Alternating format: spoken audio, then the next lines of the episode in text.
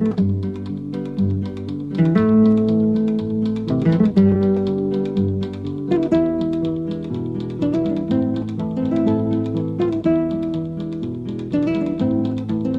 Berkay. Ase. Hoş geldin. Hoş bulduk. Sen de hoş geldin. Hoş buldum. Nasılsın? İyiyim. Sağlığına da duacıyım. O zaman Allah iyiliğini versin diyorum ben de sana. Bugün İlim Kurgu Rock Operası programımızın ikinci konusu, üçüncü bölümü. Yılın da son bölümü. Evet yılın da koca bir yılı da devirdik. Defol git 2020. Go Home Yankee. Bu bölümde aile ve çocuk konusunu işleyeceğiz. Daha doğrusu işlemeyeceğiz, konu işlemiyoruz, muhabbet ediyoruz. Sohbet ediyoruz. Aile ve çocuk üzerine sohbet edeceğiz. Ee, işte aile, ailenin çocuk üzerindeki etkisi. Çocuk nedir? Çocuk nedir? nedir? Evet özellikle çocuğun Evet. ne olduğunu. Yok ama gerçekten güzel bir şey dedin. Aslında çocuğa bakışımız biraz bizim farklı, epey farklı, yanlış. Biraz o konuda konuşabiliriz aslında. Neyse biz aileyle, toplum, aile öyle başlayalım dilersen. Tabii öyle başlayalım o zaman. Genelden özele doğru gidelim. Ee, o zaman ben önce bir toplum açısından bir giriş ya- yapayım. Uygunsa Lütfen, senin için. lütfen, Teşekkür ediyorum. Gerçekten şu anda fularlarımız zil çalıyor. toplum aileden oluşur diye bir kaide var. Genel geçer bir kural. Evet. Ee, tabii bu e, açıklama tanım ne kadar e, etik o da tartışılır. Çünkü e, bu sefer de ne oluyor? Yalnız bireyleri toplumun dışına etmiş oluyoruz. Şimdi toplum e, bireylerden oluşur denmesi daha doğru ama genel geçer şeyde evrimsel sürecimize, düşünce evrimsel sürecinde daha oraya varamadık. Genelde sorduğumuz zaman aile toplumu oluşturan en küçük birim diye genelde Yani tanımı yapılıyor. Örgütlü kötülüğün en küçük birimi ailedir. Keza öyle de diyebiliriz. Tabii şimdi aile kavramı neden önemli? Ee, bunu etik ve ahlak kuramı dışında bakarsak, temel olarak sistem üzerinden bakarsak aile kuramı şu yüzden önemli. Parça bütünden daha önemlidir diye bir sav var. Ve bu da doğru bir şey. Yani nasıl doğru bir şey? Şöyle düşünelim mesela. Sistem bir bütün olarak daha büyük genel olarak baktığımızda ama o sistemin içindeki en ufak bir aksaklıkta tüm sistemin çalışmasını engellediği için parça bütünden daha büyüktür diye genel geçer bir kural var. Ben de ona inanıyorum. Şöyle diyebiliriz mesela hani işte mükemmelliyet ayrıntıda gizlidir. Ee, bu yüzden de toplumsal değişimlerin aileden başladığı söylenir. Ben buna da inanıyorum. Gerçekten aile üzerine çok şey inanıyormuşum bu arada. Ben de toplumun temeli olduğunu o açıdan inanıyorum ve hani birey olmak ayrı bir şey yani kişinin prensipleri vardır. Bu ahlak mahlak falan kısmına girdiğimiz zaman ki girmeyeceğiz sanırım ama orada biraz da o toplumsal olaylarda olay aileyi ilgilendiriyor bireyden ziyade aileden kaynaklanıyor. O yüzden toplumun temeli diyebilirim o noktada bireyden ziyade toplumun temelini ben de aile olarak görebilirim. Aile dediğin şey de doğayla kültürün buluşması bir taraftan. Ailesiz bir toplum da yok bu arada. Yani en uygarından en ilkeline kadar baktığın zaman hepsinde bir aile kavramı var. Ailenin de bütün toplumlarda ortak görevleri var. Ekonomik ilişki, cinsel ilişki, üreme ve eğitim. Yani cinsel ilişki kısmı ama oldukça geride kalıyor. Şimdi 1980 bası- basımı etnografik atlas kitabının listelediği 1231 toplum var. Bunların hepsini tek tek saydım. 186'sı tek eşli sadece. Bunlarda cinsel sadakat ya da cinsel ilişkinin kurulması, cinsel ilişkinin toplum tarafından kabul görmesi hali olarak düşünülmüyor aile. Yani başta cinsellik ve üreme çok birleşikti. Aile de bunu tamamlıyordu. Sonra ayrıldı, ayrılmaya teşvik edildi. Yani şimdi hatta bir sektör var. Orada doğum kontrol yöntemleri falan olsa hemen o yüzündeki gülüşü şu an görmedi insanlar ama yani ailenin görevi şu an daha çok eğitim ve kültürün aktarılması. O yüzden doğa ve kültürün birleşmesi olarak tanımlıyorum. Evet bu toplumsal kültürler e, aileye zaten o yüzden e, özellikle doğu toplumlarında daha çok önem verilmesi bu sebeple. Çünkü doğu toplumu kültürel aktarıma biraz daha önem veriyor. Geleneklerine daha bağlı batı toplumundan. E, bu yüzden gelenek aktarımını sağladığı için aile yapısına epey bir önem veriliyor. Örneğin mesela bizim toplumumuza baktığımız zaman e, sürekli o bahsettiğimiz e, jeopolitik konum işte ortada kalmıştık. Yani hem batıdan hem doğudan birbirine açılan köprü. O yüzden bizim aslında aile toplumu biraz muhafazakar olmakla birlikte son zamanlarda epey bir açılım da yaptı. Veya daha doğrusu bu açılım aslında hep vardı da sosyal medyanın ve basın yayın ağının genişlemesiyle biz biraz daha duyduk ne tür aile yapıları olduğunu bizim toplumumuzda. Evet, biz çekirdek biliyorduk, geniş biliyorduk. Evet, onu Çok geniş aileler Evet. varmış. Evet çok geniş aileler de varmış. Ama onun dışında genel olarak baktığımız zaman bahsettiğimiz tipik Türk tipi aile yapısı dediğimiz zaman bizim geleneksel aile yapımızda şöyle bir durum var hala. Erkek çalışır, kadın el içi işleri organize eder. Yani ekonomik zorlama e, fakat e, kadını da çalışmaya itse de bizim toplumda hala mümkün olduğunca kadını çalışma hayatından dışarıda tutma, ev işleriyle ilgilenme, çocuk bakma, mutfağı yönetme bundan dolayı da ekonomik özgürlüğünden yoksun bir birey olarak ailede konumlanmış bir biçimde. E, tabii bu toplumsal cinsiyet rollerinin getirdiği bir durum. Toplumsal cinsiyet rolleri de nedir? İşte bizim geleneksel Türk aile yapısı dediğimizde yani Türk aile yapısına özgü bir durum değil. Toplumsal cinsiyet rollerini bilmeyenler için şöyle diyebiliriz. Evin reisi veya erkek dediğinizde ilk aklınıza gelen tanımlar, kadın dediğinizde anne dediğinizde aklınıza gelen ilk tanımlar toplumsal cinsiyet rolüdür bir toplumun. Mesela nedir? Evin direği dediğimiz zaman kim geliyor aklımıza? Baba. Eve kim para getirir? Baba. Çocuğa kim bakar? Anne. Yemeği kim hazırlar? Anne. Yani sanki Yemeği... ev hanımı olarak da anneyi nitelendiriyoruz ama. Ya işte evet yani mesela şöyle dediğimizde yemeğe kim yardım eder diye sorduğumuz zaman aklınıza kim geliyor? Baba. Baba salata Ama malata yapar. İşte işte bu toplumsal cinsiyet rolüdür. Normalde e, zaten orada yanlış olan kelime şu. Yemeği hazırlamak için yardım eder. Yardımlık bir durum yok. Sonuçta beraber yeniyor yemek. Yemek hazırlanır. E işte toplumsal cinsiyet rolü budur. Kadın ve erkek dediğinizde toplumsal geleneklerde aklınıza ilk hangi tanımlar geliyorsa bu toplumsal cinsiyet rolüdür. Toplumsal cinsiyet rollerimiz bu şekilde. Tabii yeri gelmişken şöyle diyeyim bu kadın cinayetlerinin de aslında bu kadar revaçta olması, bu kadar çok olması, bu kadar sık yaşanması bu da tamamen toplumsal cinsiyet rolüyle alakalı bir durum. Erkeğe biçilen namusuna sahip çıkma, güçlü olma, işte namus şemsiyesi. Tabii. Ablana sahip çık falan diyor hatta çocuğuna evet. erkek çocuğu bile hani ufak kardeşi bile dediği zaman. Evet evet işte evet toplumsal cinsiyet önünde ona da biraz ileride değineceğiz. Yani tamamen bu toplumsal cinsiyet rolü dediğimiz ve geleneksel aile dediğimiz şey işte bütün toplumu böyle şekillendiriyor. Yani sadece işte kadın cinayetlerini dediğin gibi eşin uyguladığı şiddet değil, yetiştirme tarzından dolayı mesela erkek çocuğu da evin babasının veliahtı. Giriş olarak bunu söyleyebiliriz. Toplumsal aile yapımız bizim bu durumda 2020 itibariyle.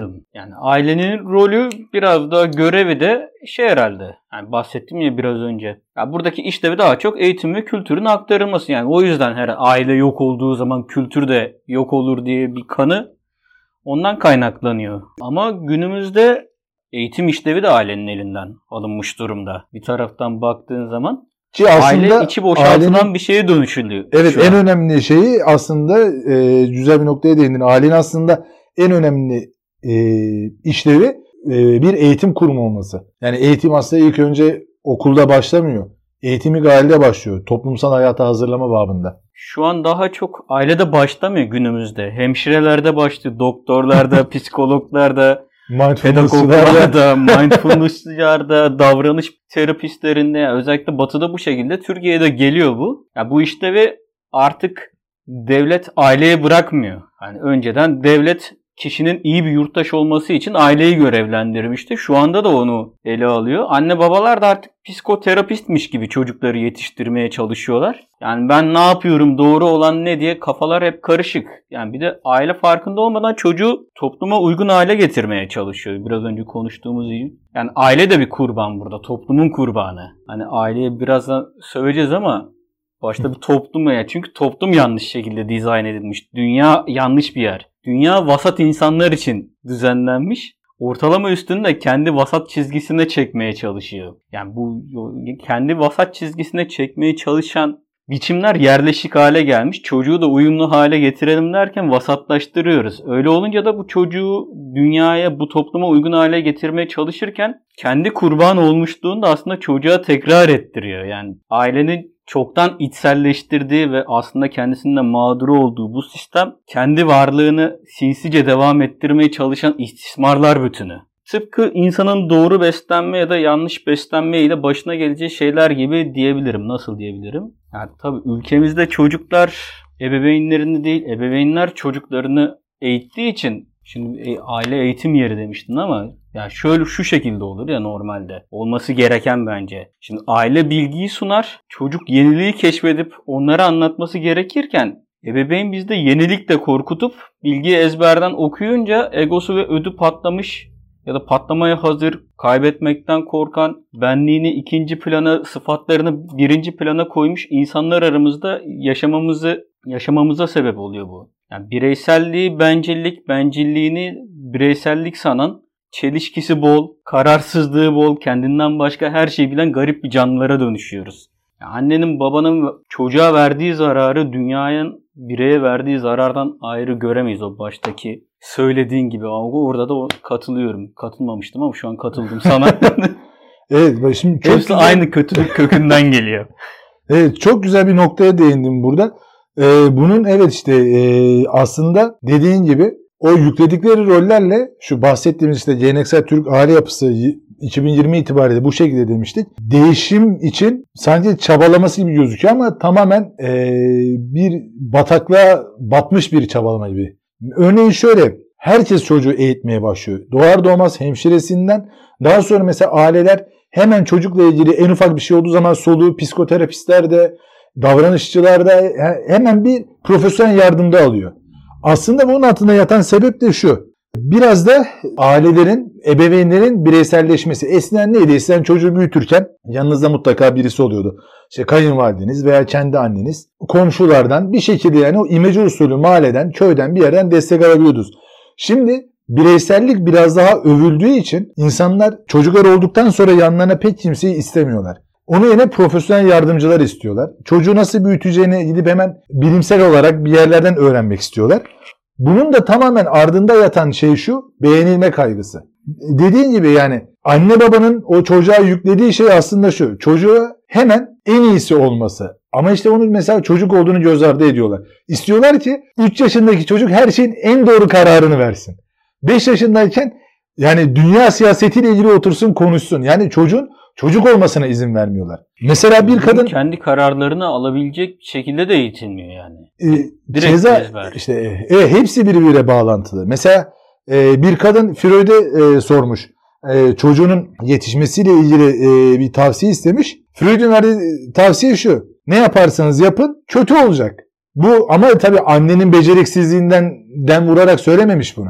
Yani karşınızdaki birey zaten hani kendi gelişimi olan, kendi bir devinimi olan bir birey aslında. Yani siz ne yaparsanız yapın, ne kadar iyi yapmaya çalışırsanız yapın, size göre yani annenin kafasında kurduğu ideale göre zaten kötü olacak. E çünkü neden biz çocuklara doğumdan sonra e, hemen bir mesela anne baba rolü yüklüyoruz. Mesela çocuklara söz sahibi olmayacağı şeylerde söz sahipliği veriyoruz. E bu nedir? Örneğin mesela ikinci kardeş yapılacağı zaman şöyle şeyi çok duymuşuzdur. Ya işte Bade su istedi biz de ikinci çocuğu yapıyoruz. Yani şimdi Bade su kardeş istedi diye çocuk yapılacak bir şey değil. E şimdi hal böyle olduğu zaman. Yani yeni... bence zaten o değil. Yani Bade su istedi diye yapılmaz o çocuk zaten. Yani şimdi düşün. Bade su'nun gönlü hoş olsun diye bence Bade su'ya güzel bir şey yapıyorlar burada. Ama işte öyle değil. Şöyle mesela yani Bade su kendisine eğer bir kardeş istiyorsa zaten mutlak surette henüz daha ergenliğe girmemiştir.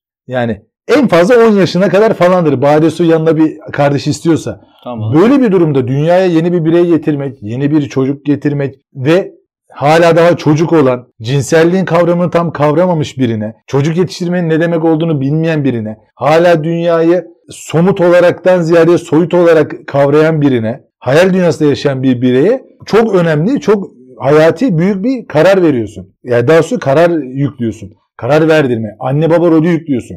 Böyle olduğu zaman da mesela ne oluyor? Mesela şunu çok görürüz biz. Biz bunu genelde de şeye yorarız. Ee, işte ablası veya abisi kardeşi ne kadar seviyor. Mesela çocuk doğduğu zaman e, şöyle yapar. Özellikle kız çocukları ablalar. Altını ben değişeyim. İşte banyosuna ben yardım edebilir miyim? Ben kardeşimi uyutabilir miyim? Şunu yapabilir miyim? Biz genelde bunu şeye yorarız. Ee, işte ne kadar seviyor kardeşini? Ne kadar uyumlu? Aslında öyle değil. Normalde çocuk doğduktan sonra yeni gelen ebeveyn, e, yeni gelen çocuğa karşı duyduğu kıskançlığı bak eğer çocuğun önüne geçtiğini anladığı anda anne baba set çekip yeni gelen çocuğun önüne geçirmediği anda bu sefer kardeş rolünü değiştiriyor. Bu sefer kendini anne veya baba yerine koyuyor. O şekilde kardeşine sahip olmaya çalışıyor.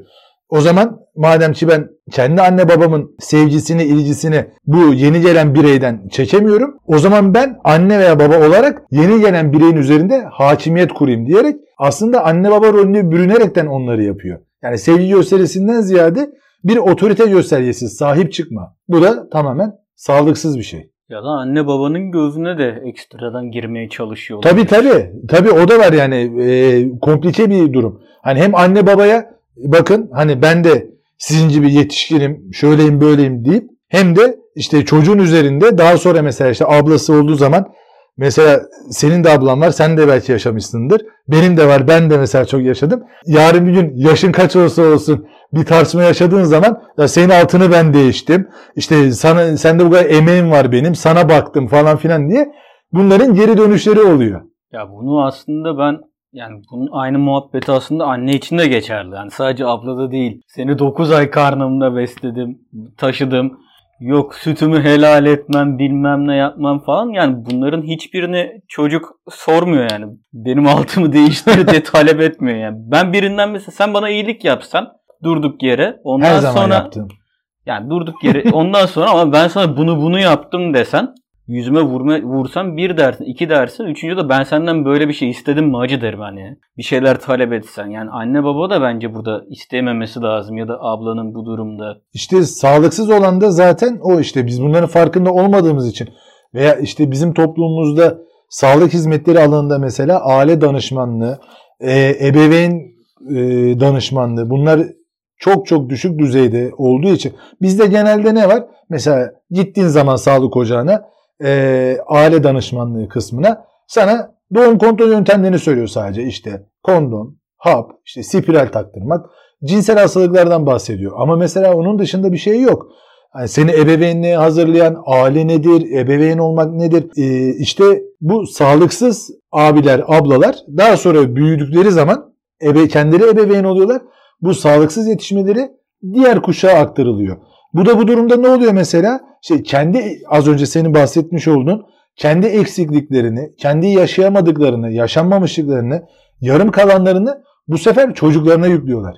Mesela işte bunu hep duyuyoruz. Özellikle bizim gibi gelir düzeyi düşük toplumlarda. İşte ben okuyamadım, sen oku. Ben yapamadım, sen yap. O dediğin işte saçımı süpürge ettim. İşte ben üniversiteye gidemedim, çocuğum gitsin diye işte sabahlara kadar dikiş diktim, okuttum. Yani sürekli bizim toplumda şey var. Kendini feda etmek ve fedakarlık üzerinden kendini kodluyor. Evet hani aile bir bakıma da birbirini devam ettirmek, işte birinin maddi yardımı varsa onu sağlamak, manevi desteğe ihtiyacı varsa onu sağlamaktır. Ama bu bir duygu sömürüsü fabrikasına dönüştüğü zaman aile içinde bu sağlıksızdır. Ve maalesef bizim toplumumuzda sosyokültürel durumdan dolayı bu sağlıksızlık kuşaktan kuşağa ve psikososyal olarak da bu eksikliğimizden dolayı hep kendini feda etmiyor. Çünkü bizim toplumda şey yoktur. Can Yılmaz mesela bunu çok güzel söylüyor. Adam sahnede bir şov yapıyor. Yani beni överken orospu çocuğunu olsun nasıl diye. Hani bizim toplumumuzda şey yok. Hakkını verme yok. Ne kadar iyi iş yaparsan yap mutlaka biri burun kıvırır. O yüzden de alemizdeki insanlar da ebeveynler çocukları üzerine verdikleri hakkı geri alamadıkları zaman hemen fedakarlık modunu açıyorlar. Dediğin gibi 9 ay taşıdım. Emzirdim. E emzirmesen ölürdüm zaten. Yani emzireceksin. Ay, yani onu diyecektim ben de. Sen bunu biliyor olman lazım anne olmadan önce taşıyacağını. Sen buna bir karar verirken ben bu çocuğu 9 ay taşıyacağım, emzireceğim geceleri ya, ya da bilmiyorlarsa o ayrı bir şey daha, ayrı bir sıkıntı yani. Bunun diğer türlüsü de işte sen bana sormadan iyilik yapıp bana borçlusun desen ben böyle böyle herkesi boyundurum altına alabilirim. Ya bunlar şey duygusal bir yaptırım uyguluyor çocuğa. Yani ben anne olarak genelde çünkü hani anne daha çok baba da yapar gerçi de. Ben sana bunları yaptım. Hadi karşılığını ver. İstemediğim şekilde davranmaya, düşünmeye, hissetmeye hakkın yok senin. Anne benim gibi olsun dediğinde kendi hislerini, jestlerini, mimiklerini bebeğe yerleştir. Yani bu Winnicott da bundan bahsediyor. Ya bunu not good enough yani yeterince iyi olmayan anne olarak tanınıyor. Fakat eğer bebeği gerçekten duyabilirse anne büyütürken bebeğin ne yapmak istediklerini sezgileriyle anlarsa sezgisel ebeveynlik de diyebiliriz. Yani bu biraz önce şey dedik ya ona buna herkese soruyor, şey yapıyor. Yani konu komşuya sorsa daha iyi olabilir ya da kendi sezgilerine güvense anne muhtemelen daha iyi olabilir. O empatiyi kuramıyorsa da eğer çocukla orada yine başka bir problem var. Ama o genelde çocuğa atılır o, o suç da. Bizim çocuk niye yemiyor, bir şey niye şey yapmıyor, ben bunu niye anlamıyorum. Şöyle onun sebebi de şu. Çünkü anne babalarda şöyle bir e, yanlış bir kanı var. Sorunsuz bir çocuğa sahip olma hakları olduğunu düşünüyorlar. Yani onların çocukları tamamen sorunsuz olacak. Sık sık hastalanmayacak, önüne konulan her yemeği yiyecek, saatinde yatacak, saatinde kalkacak, gazı olmayacak, koliti olmayacak, sırtını içi pış pış yapınca gazını çıkaracak. Yani zaten kafada ailelerin sorunsuz bir çocuğa sahip olma ideali olduğu için bu problemler yaşanıyor. Bir de şöyle bir şey var. Az önce e, senin ima ettiğin gibi neden sürekli anneye şey yapıyoruz? Bu mevzuyu yüklüyoruz. Babanın da rolü var ama şöyle bir durum baba var. genelde işte başta da konuştuk ya baba daha çok çocuk yetiştirmede dışarıda Evet. kahvede yani onun için şey yeterli.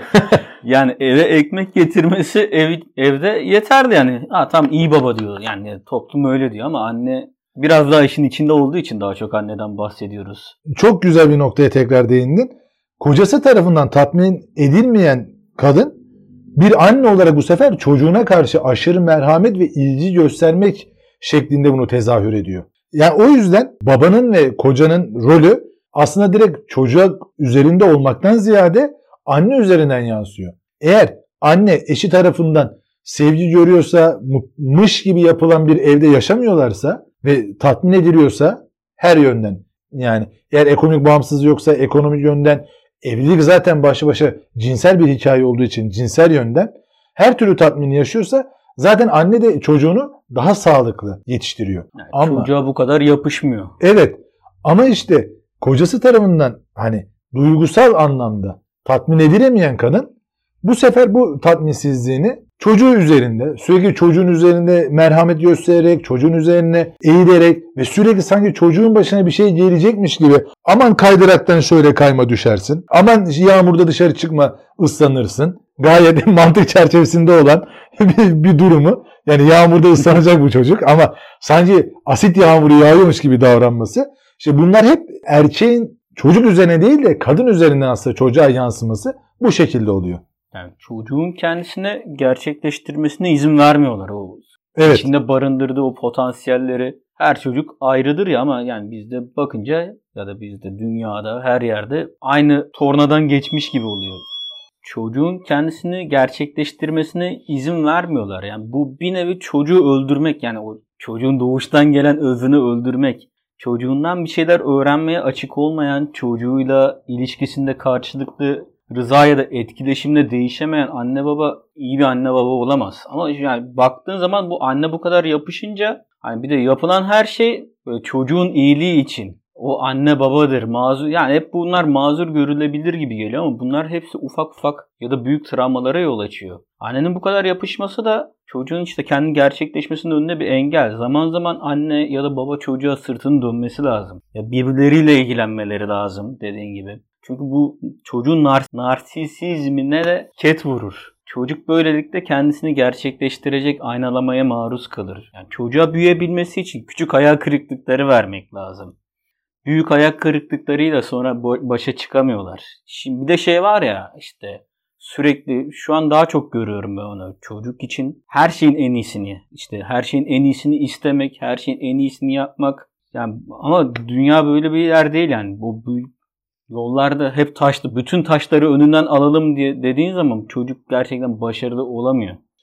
Ee, İşte mesela bu son zamanlarda yeni çıkan ebeveyn tipi var. Çocuğun her şeyine izin verelim, hiçbir şeyine karışmayalım. Ee, şimdi öyle olduğu zaman e, birçok mesela vakada da göstermiştir ki e, mesela işte çocukların söz dinlememesinden, yaramazlığından e, vurup da profesyonel yardım almaya gidenlerde çocuklara hep şunu söylemiştir bir çoğunluğu. Annemin babamın beni engellemesini istiyorum. Çünkü her istediği yapıldığı zaman çocuğun e, tatminsizlik duygusu devam ediyor.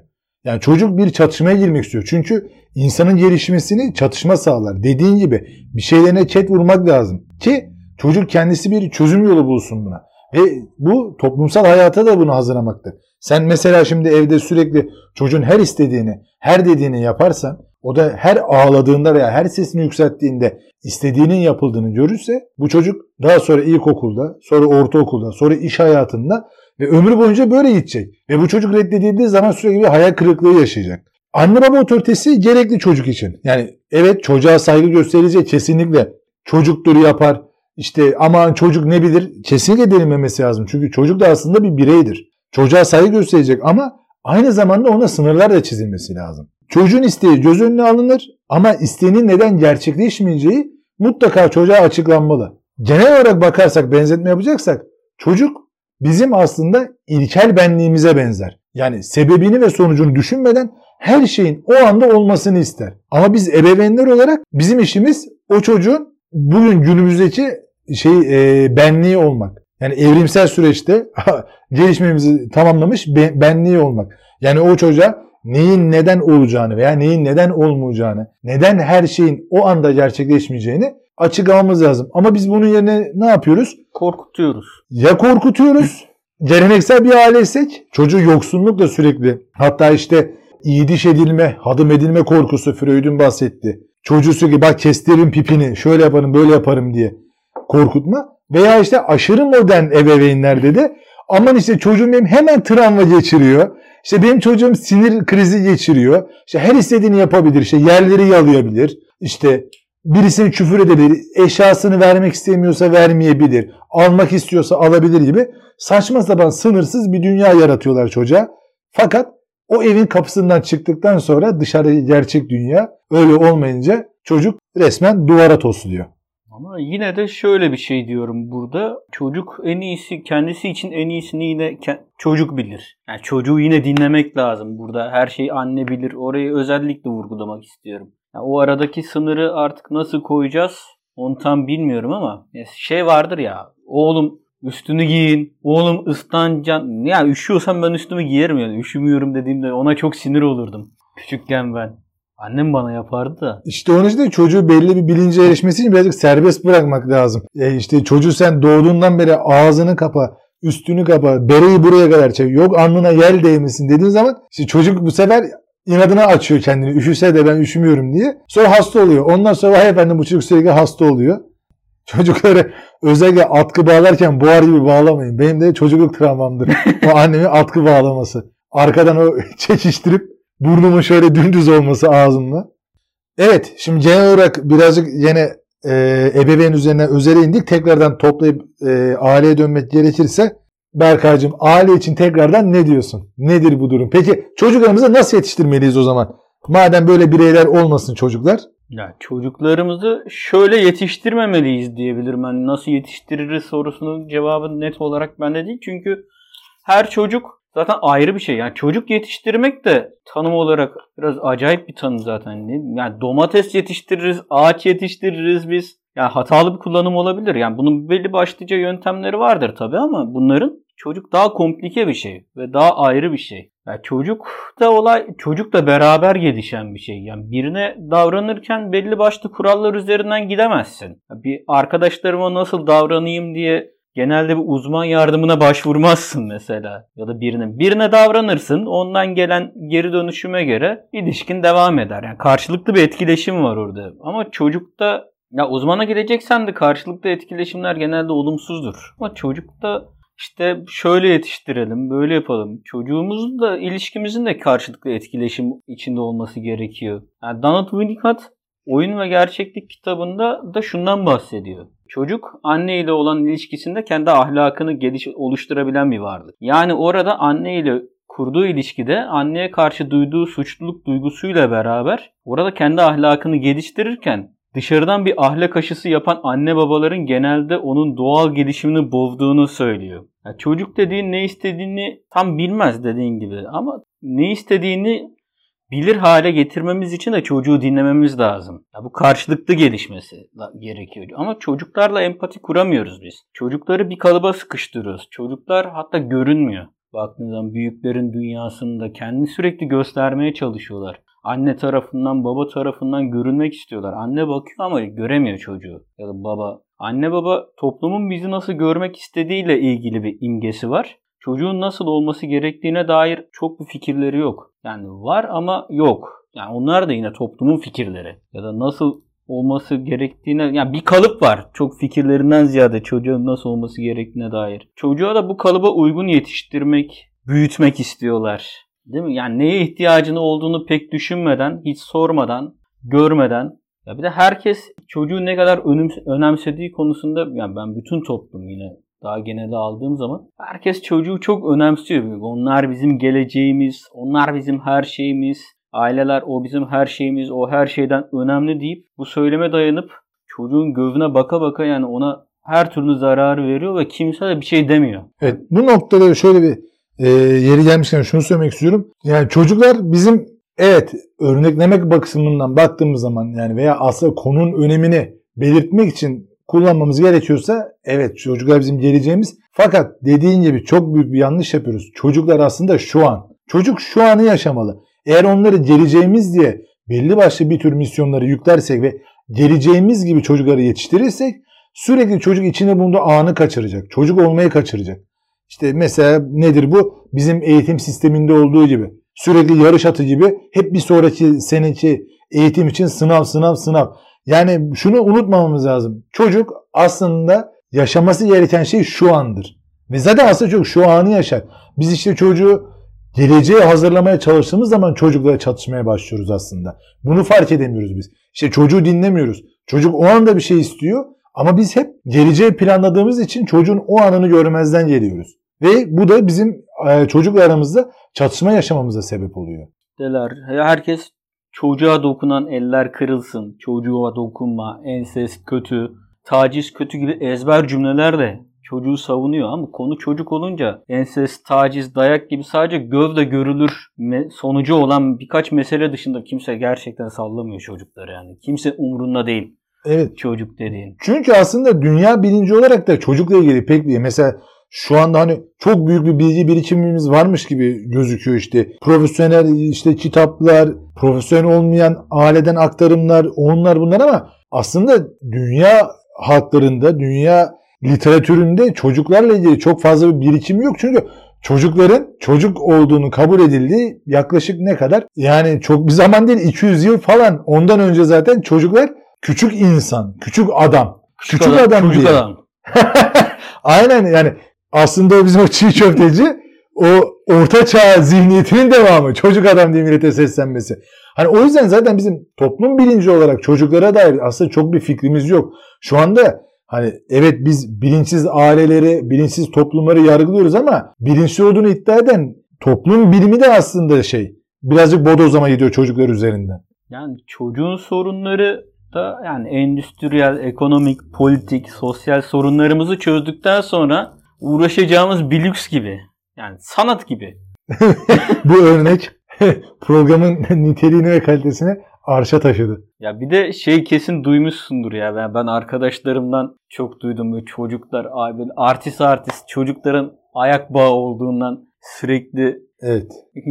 İşte o da demin bahsettiğimiz o mükemmel çocuk tanımı işte.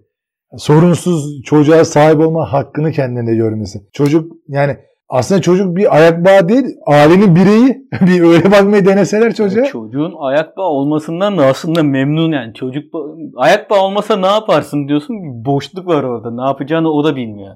ya bir şey yapacak onu çocuk onu tutuyor değil. Tabii canım tatil planları daha kolay çocuğa göre. Misafirlikler daha kolay çocuğa göre. Akraba ziyareti daha kolay çocuğa göre. İşte bu da aslında işte şey yapıyor. Sürekli bizim farkında olmadan çocuğa yüklediğimiz e, misyonlar, çocuğa yüklediğimiz dönütler yani bunlar. Ve bunların karşılığında çocuktan sonra saçma, saçma sapan bir şekilde alıyoruz. Niye? Çocuk bu zannediyor ki dünya onun kendi zaten gelişimsel olarak öyle bir dönemleri var zaten çocukların. Hani bütün dünyanın kendi etrafında döndüğünü zannetti. Bütün olan her şeyin ondan sebep olduğunu, güneş doğduğunda bile işte ben uyandım ondan doğdu gibi. Zaten bu çocukların öyle bir dönemi var. Bir de aile öyle davrandığı zaman çocuk işte o dönemi kırıp da oradan çıkamıyor.